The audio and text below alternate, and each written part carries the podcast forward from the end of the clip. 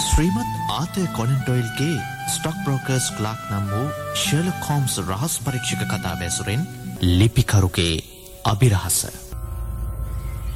අදනම් මේ සඟරාව කෝමාරි කියවල විරක් කරන්න ඕනේ. මේක ප්‍රතාානය වෛද්‍ය සභාව පල කරන සඟරාව නිසා අලුතින් කරන පර්ේෂණ ගැන විස්තර හුඟක් තියෙනවා වගේ. කෞතු මේ උදේ පාන්දරම. අදත් මේක කියවගන්න බැරිවී වගේ.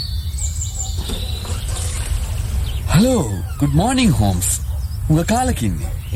ගුඩ් මෝනිින් ඔොටසන් මට කාලෙකින් ඔොටසන් මුණ ගැහුණෙත් නැහැනේ. ඕම තමයි. විවාහ ජීවිතයට ඇතුළු වෙලා රැකියාවේ කටයුතුවලට මැදිවුනාම යාළුව අමතක වෙනවා. අපොයි නෑ හෝම්ස් එහෙම හිතන්න එපා. මම මේ ඊයේ රාත්‍රියත් හෝම්ස්ගේ රහස් පරීක්ෂණ කටයුතු ගැන ලියපු සටහන් පොතක් අරගෙන බැලුවා. ඒව පිළිවෙලක් කරන්නයි මම මේ හිතාගෙන ඉන්නේ. එන්න. ඇතුළට ඇවිත් ඉඳ ගන්නකෝ.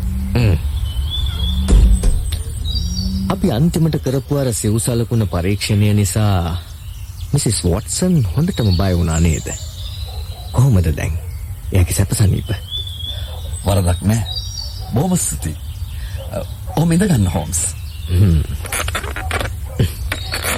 වෛද්‍ය වෘත්තිය නිසා ඔබට රහස් පරීක්ෂණ කටයුතු ගැන තිබුණු උනන්දුව අඩු වෙලා නැහැ නේද වොට්සන්? අපොයි නෑ. මගේ සටහන් වාර්තාවලට තවත් ඒ වගේ අත්දැකීම් එකතු කරගන්න මං කැමතියි. අද වුණත් කැමතිද එහෙම අත්දැකීමක් වෙන්න ගන්න? ඔව්. අද වුණත් කැමති. එහෙමනම් කැමතිද බර්මින්හැම් දිහා යන්න? කැමති. කැමති. එතකොට ඔබේ වෙදකම් කිරිල්ලට මොකද වෙන්නේ? මගේ ඩිස්පැන්සරියේ වැඩ ටික බලා ගන්න කියලා අල්ලපු ගෙදර ඉන්න දොස්තර මහත්තයාට කියනවා. එයා නිවාඩු ගත්තහම මමත් එයාගේ ලෙඩ්ඩු බලනවානේ. ආ, ඒක කොච්චර වාසනාවක්ද? වොට්සන් මට පේන විදිහට පහුගිය දවස්වල වොට්සන් අසනීප ගතියකින් හිටියද? ගිය සුමානේ දවස් 3ක්ම ගෙට වෙලා ඉන්න සිද්ධ වුණා උණ හිම්බිරිස්සාව හැදිලා. හෝම්ස් කොහොමද ඒක දන්නේ? මගේ මුණේ ලෙඩ පාටක් නැහැනේ. වොට්සන් දන්නවනේ මගේ නිරීක්ෂණ ක්‍රම ගැන. ඔබ එහෙනම් ඒක අනුමාන කළා. ඒත් අනුමාන කරන්න මුල්ුණු හේතුව මොකද්ද? ඔබේ සෙරෙප්පු දෙක. ඒක ළඟති ගත්තු දෙකක් බව පේනවා. වොට්සන් කකුල් දෙක ටිකක් උඩින් තියාගෙන ඉන්න නිසා මට සෙරෙප්පු දෙකේ පතුල් පේනවා. ඒවා තරමක් දුරට පිච්චිලා වගේත් පේනවා. ඒවා වතුරට අහු වෙලා පස්සේ තෙත ගතිය අරින්න රත් කරද්දි පිච්චුනාද කියලත් මම හිතුවා. ඒත් ඔය එක් සෙරෙප්පු අඩියක තාමත් තියෙනවා වෙළඳ සලකුණ සඳහන් කොළ කැබැල්ල. තෙත ගතියට අහුණා නම් ඒක ගැලවිලා යන්න ඕනනේ. එහෙමනම් ඔබ ගිනි උදුන දිහාට දෙපා දික් කරගෙන වාඩි වෙලා ඉන්න ඇති. හොඳ ශරීර සෞඛ්‍යයක් ඇති මිනිහෙක් නම් මේ වගේ කාලෙක ගේ ඇතුළට වෙලා වාඩි වෙලා ඉන්නේ නැහැනේ.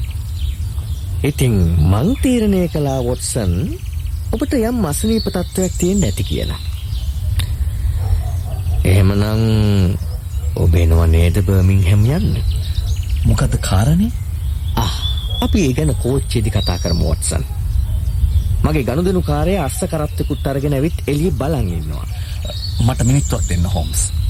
පොඩි ලියුම් කෑල්ලක් තියලා යන්න ඕනේ මගේ යාළු දොස්තර මහත්තයාට. හොඳයි. මම දොර ළඟ බලන් ඉන්නවා.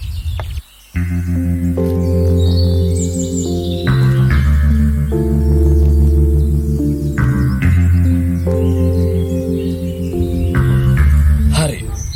මගේ වැඩ ඉවරයි. මම ලෑස්ති. යමු. වොට්සන්. ඔබේ අසල්වැසි දොස්තර මහත්තයා ඉන්නේ අරගෙයි වෙන්න ඕනි. ඔව්. ඒක තමයි. එයත් මං වගේම මේ පළාත ඩිස්පැන්සරියක් පවත්වාගෙන ගිය වෙනත් දොස්තර කෙනෙකුගෙන් ව්‍යාපාරය මිලට ගත්තා. ඒ ව්‍යාපාරේ පැරණි එකක්ද? මේ ගොඩනැගිලි දෙක හදපු කාලේ ඉඳලම දෙපොළෙම වෛද්‍ය සේවය කෙරලා තියෙනවා. ඔබ වඩා හොඳ එක සල්ලි වලට ගත්තා. නේද? මං එහෙම හිතනවා. ඒත් ඔබ ඒ ගැන දන්නේ කොහොමද? බලන්නකො මේ පඩිය දිහා. මේක බොහොම තදින් ගෙවිලා ගිහින් තියෙනවා. හුඟ දෙනෙක් මෙතනින් එහෙ මෙහි ගිහින් තියෙනවා. ඒ කියන්නේ මෙතනින් බෙහෙත් ගන්න හුඟා කය එන්නේ නැති. එහෙනම් ඒක හෝම්ස්ගේ උකුසු ඇසට හසු වෙච්ච තවත් කාරණයක්. ආ වොට්සන් මේ කරත්තේ වාඩි වෙලා ඉන්න මහත්තයා තමයි මගේ ගනුදෙනුකාරයා. Mister Hall P Croft. අඳුරගන්නකෝ මේ මගේ මිත්‍රයා උදව්කාරයා ඩොක්ටර් වොට්සන්. කොහොමද? සන්තෝසයි අඳුරගන්න ලැබුණාට. හොඳයි. එහෙමනම් අපි පිටත් වෙමු. අපිට කෝච්චි අල්ල ගන්නත් තියෙනවනේ. ළමයා ටිකක් ඉක්මනින් කරත්ත දැක්වුවොත් හොඳයි. එහෙමනම් බර්මින්හැම් වලට යනතුරු අපිට මිනිත්තු 70ක කාලයක් තියෙනවා. මිස්ටර් පීකොෆ්ට් මගේ යාළුවට දැනගන්නත් එක්ක ඔබට සිද්ධ වෙච්ච අකර තැබ්බය ගැන විස්තර කියන්නකෝ. මම කතා කියන්න නම් එච්චර දක්ෂෙක් නෙවෙයි. ඒත් මං උත්සාහ කරන්න. මං රැකියාව කළේ කොක්සන් ඇන් වුඩ් හවුස් සමාගමේ. මං අවුරුදු පහක් එතන සේවය කළා. ඒත් කම්පැනියේ බංකොලොත් වුණාම මං අස්සු. ලිපිකරු 27 දෙනෙකුට රැකියාව නැති වුණා. මං උපයගත්ත මුදලින් පවුන් 70ක් විතර ඉතිරි කරගෙන තිබුණා. ඒත් තත්ත්වය අමාරු වුණේ ඒ මුදලත් ඉවර වුණාම. රස්සා හොයාගන්න 18 ගියා. සපත්තු ගෙවුණා විතරයි. රස්සාවක් ලැබුණේ නැහැ. ඉතින් ඔබ කොහොමද මේ අමාරු තත්ත්වෙන් ගැලවුනේ? අන්තිමේ මවුසන් ඇන් විලියම්ස් සමාගමේ ඇබෑර්තුවක් ගැන පළ කරපු දැන්වීමක් මම දැක්කා. ඒක කොටස් වෙළඳ පොලේ ප්‍රසිද්ධ තරවුකාර සමාගම. මං ඉල්ලුම් පත්‍රයක් දැම්මා.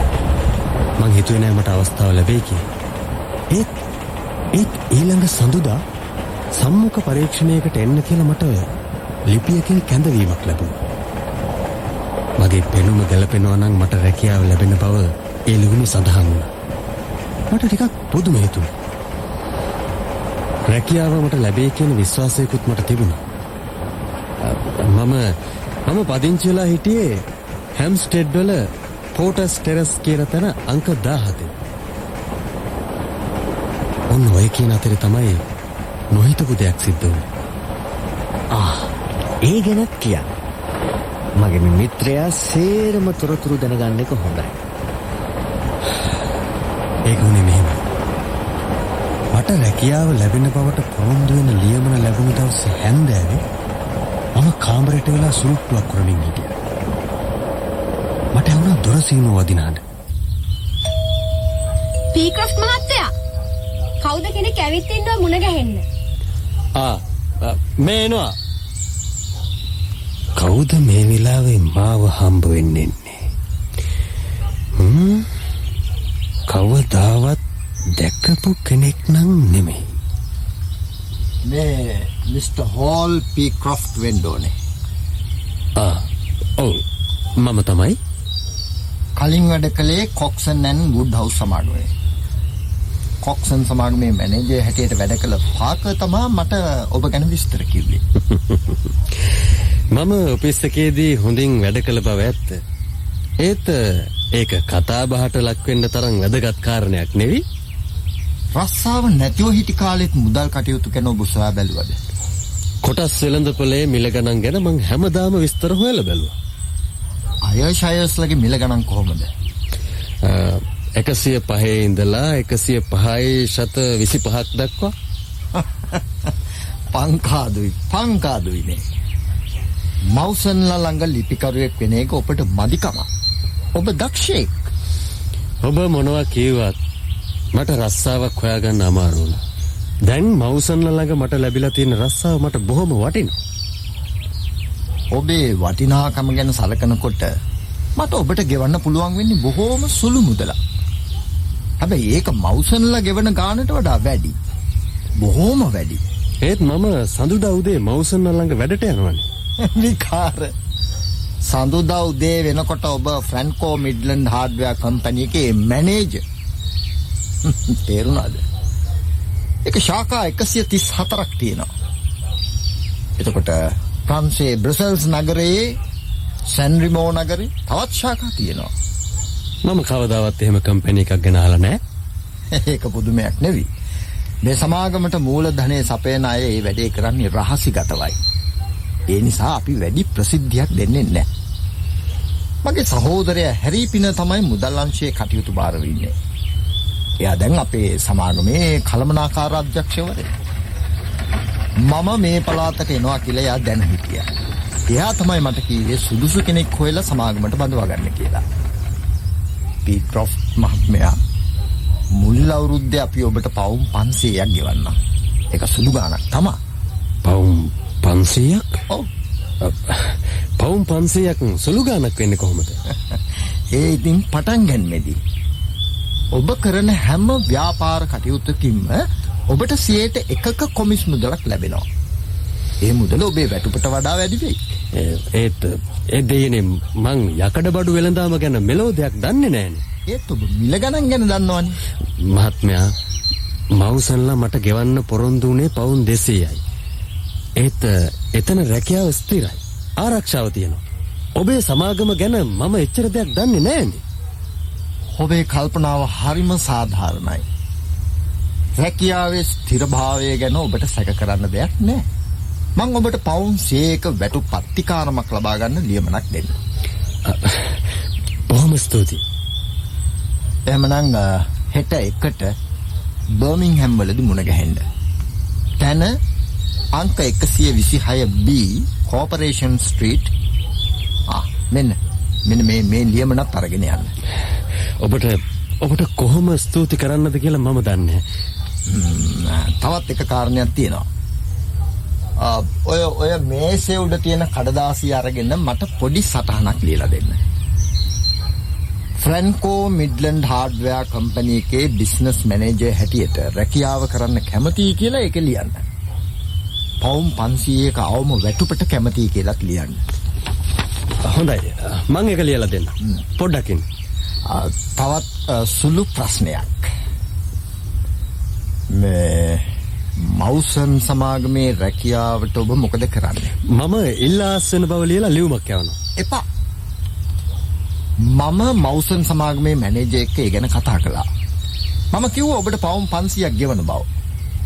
ඔබ යන්නේන මන් නැතිව ඉන්න කෙනෙක් නිසා එයාලා දීපු රස්සාව අත්තරින එකක් නෑ කියලා එයා කිව්වා. ඒ මිනිහට පිස්සු. මම යන්නේන මං නැති එකෙක් නෙමෙයි. මට ඒ මිනිහා මුණ ගැහිලත් නෑ. රස්සාව පොරොන්දු වෙලා ලියමනක් ලැබුණ එක විතරයි. බොහොම හරි. දැන් ඔබ පවුම් 500ක වැටුපක් ලබන කෙනෙක්. නොවැරදීම හෙට දවල් 1ට කියපු ඇඩ්‍රස් එකට එන්න. මම යනවා.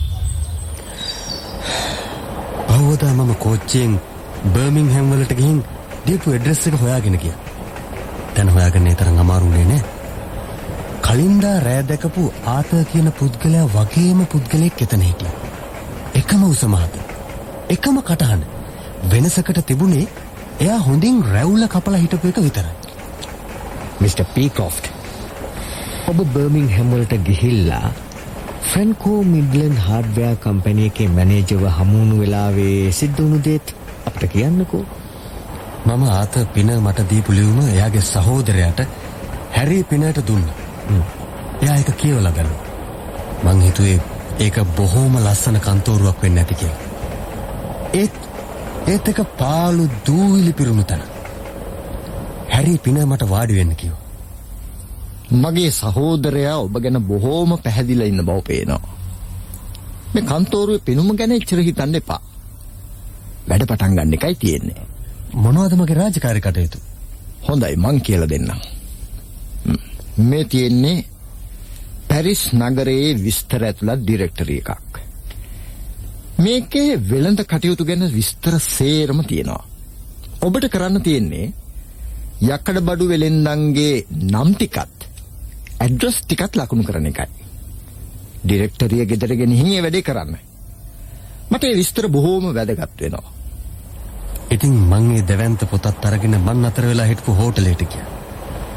යකඩ බඩු වෙලෙන්දන්ගේ නං ලකුණු කරන්න කලින් මම අලුත් සමාගමේ පෙනුම ගැන ආයෙත් කල්පනා කළා.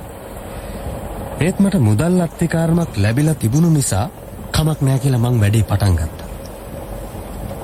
සඳුදා වෙනකොට මට ඉවර කරගන්න ලැබුණේ එච් අකුර දක්වා විතරයි. ඒත් මම හැරී පිනගේ ඔෆිස් එකට ගියා. ඔහු කිව්වා බදාදා වෙනතුරු ඒ වැඩේ කරන්න කියලා. බදාදා ගියාම සිකුරාදා වෙනතුරු කරන්න කිව්වා. ඉතින් සිකුරාදා ඒ කියන්නේ ඊයේ මම ඔෆිස් එකට ගියා. ඉතින් මොකද හැරීපින කිව්වේ? මිනිහා මට කිව්වා ඩිරෙක්ටරි එකේ තියෙන ලී බඩු වෙලෙන්දන්ගේ නම් සේරම ලකුණු කරන්න කියලා.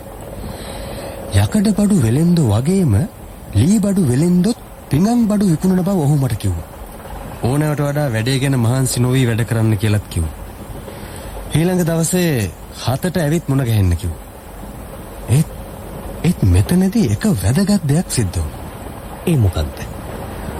විනෝද වෙන්න සංගීත ශාලාවට එහෙම යන්න කියලා මිනිහා මට උපදෙස් දීලා හයියෙන් hina වුණා. එතකොට මම දැක්කා එයාගේ දත් ඇන්දේ වම් පැත්තේ දතක් ගොර හැඩි විදියට රත්තරන් වලින් පුරවලා තිබුණු බව. ඉතින් ඒක ඇති අමුත්තු මොකක්ද? මිනිස්සු රත්තරන් වලින් දත් බඳිනවානේ. හේතුව මේකයි මිස්ටර් හෝම්ස්. ලන්ඩන් වලදී මාව මුණ ගැහිලා මාව රැකියාවට බඳවගත්ත ආත පිනගේ දත් ඇන්දෙත් ඒ වගේම රත්තරන් දතක් තිබුණා. කටහඬ, රූපය, උස මේ හැම දෙයකින්ම සමාන පුද්ගලයෝ දෙන්නෙක් ඉන්න පුළුවන්ද කියලා මට හිතුණා. ෆ්‍රැන්කෝ මිඩ්ලන්ඩ් සමාගමේ අධ්‍යක්ෂකවරයා. ඒ කියන්නේ හැරි පින තමන්ගේ සහෝදරයා කියලා ආත කියපු නිසා මුලදී මගේ හිතේ ඒ තරම් සැකයක් ඇති නුනත් රත්තරන් දත දැක්කට පස්සේ මගේ හිත කැළඹුණා. එකම දත එකම තැන එකම විදියට රත්තරන් වලින් පුරවලා. ඉතින් මිස්ටර් පීක්‍රොෆ්ට් මොකද ඊළඟට කළේ? මම තාවකාලිකව නතර වෙලා හිටි හෝටලේ කාමරයට ගියා. මම දිගටම කල්පනා කෙරුවා. ඇයි මාව ලන්ඩන් වල ඉඳලා බර්මින්ගම් වලට එව්වේ? එකම පුද්ගලයා මේ විදියට හැසිරෙනවද කියලා මං කල්පනා කළා. මේකේ මොකක් හරි ලොකු ගැටලුවක් ඇති බව මට තේරුම් ගියා. ඉතින් මං මිස්ටර් හෝම්ස් හොයාගෙන ආවා. බොහොම සිත් ගන්නා කතන්දරයක් මිස්ටර් පීකොෆ්ට්. බැරිද වොට්සන්ටයි මටයි ඔය ආත පිනව මුණ ගැහෙන්න මාර්ගයක් පාද ගන්න. ඇයි බැරි? ආත පින හැරි පින කියන්නේ එක්කෙනෙක්ද දෙන්නෙක්ද කියන මන් දන්නේ. ඒත් මට පුළුවන් මේ මහත්තුරු දෙන්න මගේ බොස් ළඟට එක්කගෙන යන්න. හරි. අපි ලෑස්ති. දැන් නම් බර්මින්ගම් වලට හොඳටම කිට්ටුයි වගේ. දැන් වෙලාව හතට විතර ඇති වොට්සන්. අපි යමු කෝපරේෂන් ස්ට්‍රීට් එක දිහාට. මට ෆ්‍රෑන්කෝ මිඩ්ලන් සමාගම තියෙන තැන බලා ගන්න ඕනේ. ඒක හොඳයි. ඒත් මගේ බොස් හැරි පින නම් මුණ ගැහෙන්න බැරි වෙයි. එයා එන්නේ නියම කරගත්තු වෙලාවට විතරයි. අනෙක් වෙලාවට කන්තෝරුවේ කවුරුවත්ම නැහැ. හ්ම්. ඒක කල්පනා කරලා බලන්න වටින කාරණයක්. කොයිකටත් අපි කන්තරුව දෙහාට ගිහිල්ලා බලමුකෝ. දෙයනේ මේ මේ මොකද මේ? ඇයි ඇයි මිස්ටර් පීකොෆ්ට්? ඇයි කලබල වුනේ? අර අර බලන්න අර අපිට ඉදිරියෙන් යන අර හාදයා දිහා බලන්න. අන්න අන්න එයා තමයි මිස්ටර් පින.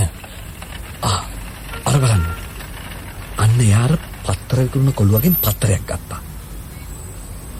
අන්න අන්න ඒ ගමන මිනිහා ඔෆිස් එකට ඇතුල් වුණා. හ්ම් පුදුමයි. මේ මිනිස්සයා මේ වෙලාවේ මෙතන මොනව කරනවද? අපි යමු ඔෆිස් එක ඇතුළට. Mister Peacroft. අපි දෙන්නම හඳුන්වලා දෙන්න යාළුවෝ හැටියට. හරි. ඉක්මන් කරමු.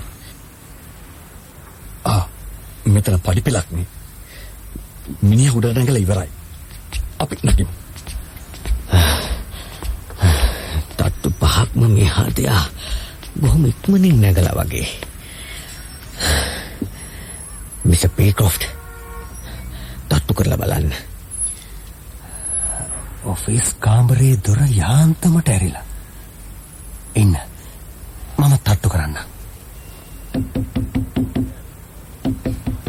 එන්න ඇතුළට යමු. යමු ඇතුළට. මම කියපු විදියටම හැසිරෙන්න ඕනේ. හරි හරි යම් අවේලාවේ ආවට සමාවෙන්න මිස්ටර් පින. මම මම ආවේ වැදගත් කාරණයකට. ඒත් දැන් හිතනවා පස්සේ වෙලාවක ආවනම් හොඳයි කියලා. මිස්ටර් පිනට සනීප නැහැ වගේ. අ, ඔව් ටිකක් අසනීප තමා ඒකට කමක් නෑ කවුද මේ ඔබත් එක්ක ඇවිත් ඉන්න දෙන්න මගේ හොඳ යාළුවෝ දෙන්නෙක්. මෙයා මිස්ටර් හැරිස්. Berman Sewell. අනෙත් එක්කෙනා මිස්ටර් ප්‍රයිස්. එයා මෙහෙම කෙනෙක්. දෙන්නටම රස්සාවල් නැහැ. ආ ඉතින් මේ සමාගමේම ඒ දෙන්නටත් රස්සාවල් ලබා ගන්න පුළුවන්ද කියලා බලන්නයි එක්කගෙන ආවේ. පුළුවනි පුළුවනි මොකක්ද මිස්ටර් හැරිස්ගේ රැකියාව මම ගණකාරිකාරවරයෙක්. ඒ අන්සේට කෙනෙක් ඕන වෙනවා. එතකොට ඔබ මිස්ටර් ප්‍රයිස් මම ලිපිකාර රස්සාව තමයි කරන්නේ. පීක්‍රොෆ්ට් ඔහගේ යාලු දෙන්නටම මේ සමාගමේ රැකියාව ලැබෙනවා. ඒක සැකයක් නෑ. අපි තීරණයක් කරගෙන හ- හරි හරි හරි. දැන්ඉතින් දෙයියන්ගේ නාමෙන් මෙතනින් පිට වෙලා යන්න. බොස්ට අමතක වුණා වගේ හෙට කරන්න තියෙන වැඩ ගැන මට උපදෙස් වගේක් දෙන්න තියෙනවා කිව්ව නේද? ඔව් ඔව් ඔව් පීක්‍රොෆ් තමන්ගේ යාළුවෝ දෙන්නත් එක්ක මිනිත්තු දෙක තුනක් ඔහොම ඉන්නකෝ මන් ටිකකින් එන්නම් මිස්ටර් පීකොෆ්ට්. නිහා අපේ ඇහැ වහලා පැනගත්තවත්ද? ඒක සිද්ධ වෙන්න ක්‍රමයක් නැහැ. පිට වෙන වෙන මාර්ගයක් ඒ පැත්තෙන් නැහැ. එක කාමරයක් තියෙනවා ඇතුලේ. ඒකට පිට වෙන්න දොරක් නැහැ. ඒක නිකම්ම හිස් කාමරයක්. මිනිහා ඒක ඇතුලේ මොනවා කරනවද? මිනිහා හිටියේ හොඳටම බය වෙලා. මාගෙට මලා වගේ. අපි පොලිසිය අය කියලා සැක කරන්න ඇති.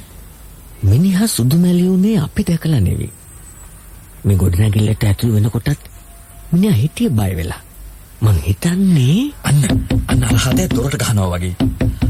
ආවල් ඒකට දෙහෙම කරන්නේ? බලා ඉඳලා වැඩක් නැහැ. ඉක්මන් කරමු. යමු. අර දොර කඩමු. සද්‍යාවේ ඇතුලේ.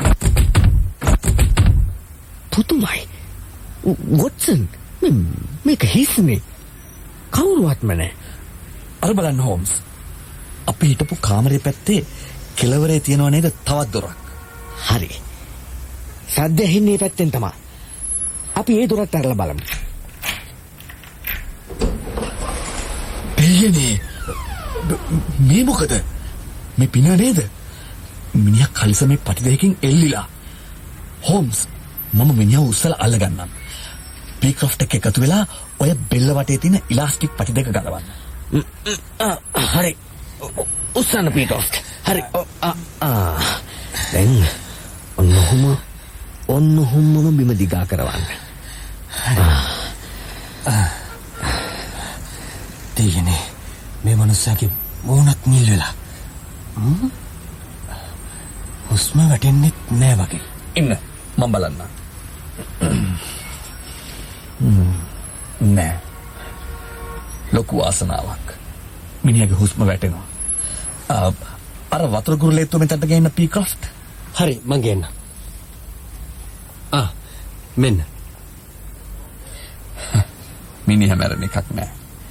ටික වෙලාවකින් සිහිය එවි. අපි පොලිසියට දැවුවොත් හොඳයි. ඒත් මගේ ප්‍රශ්නේ තාම විසඳිලා නෑනේ. ඇයි මේ අය මාව ලන්ඩන් වල ඉඳලා මෙහෙ ගෙන්නුවේ? ආ. ඒක මම පහදලා දෙන්නම්. මේ මුළු ගැටලුවම කාරණා දෙකක් මත පදනම් වෙනවා වොට්සන්.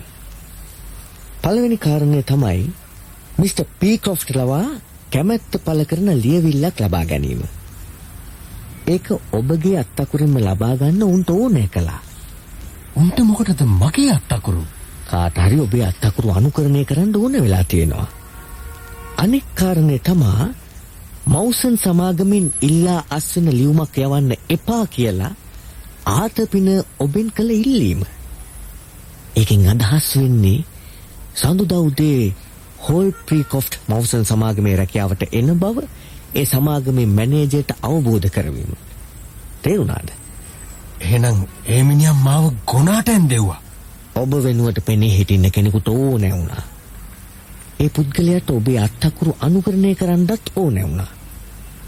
මිස්ටර් පීටොෆ්ට් මවුසන් සමාගමේ කිසිම කෙනෙක් ඔබට පුද්ගලිකව හමු වෙලා නැහැ. නේද? නැහැ. රැකියාවට තෝරගත් බව දැනගන්න ලැබුණේ තැත්නෑලින්. සඳුදා රැකියාවට යන්නයි මං හිතාගෙන හිටියේ. ඒ අතරේ තමයි මේ ආතකින කපටියා කඩාපාත් උනේ.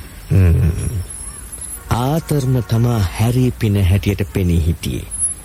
මේ සෙල්ලමට පුද්ගලයෝ දෙන්නෙක් සම්බන්ධයි.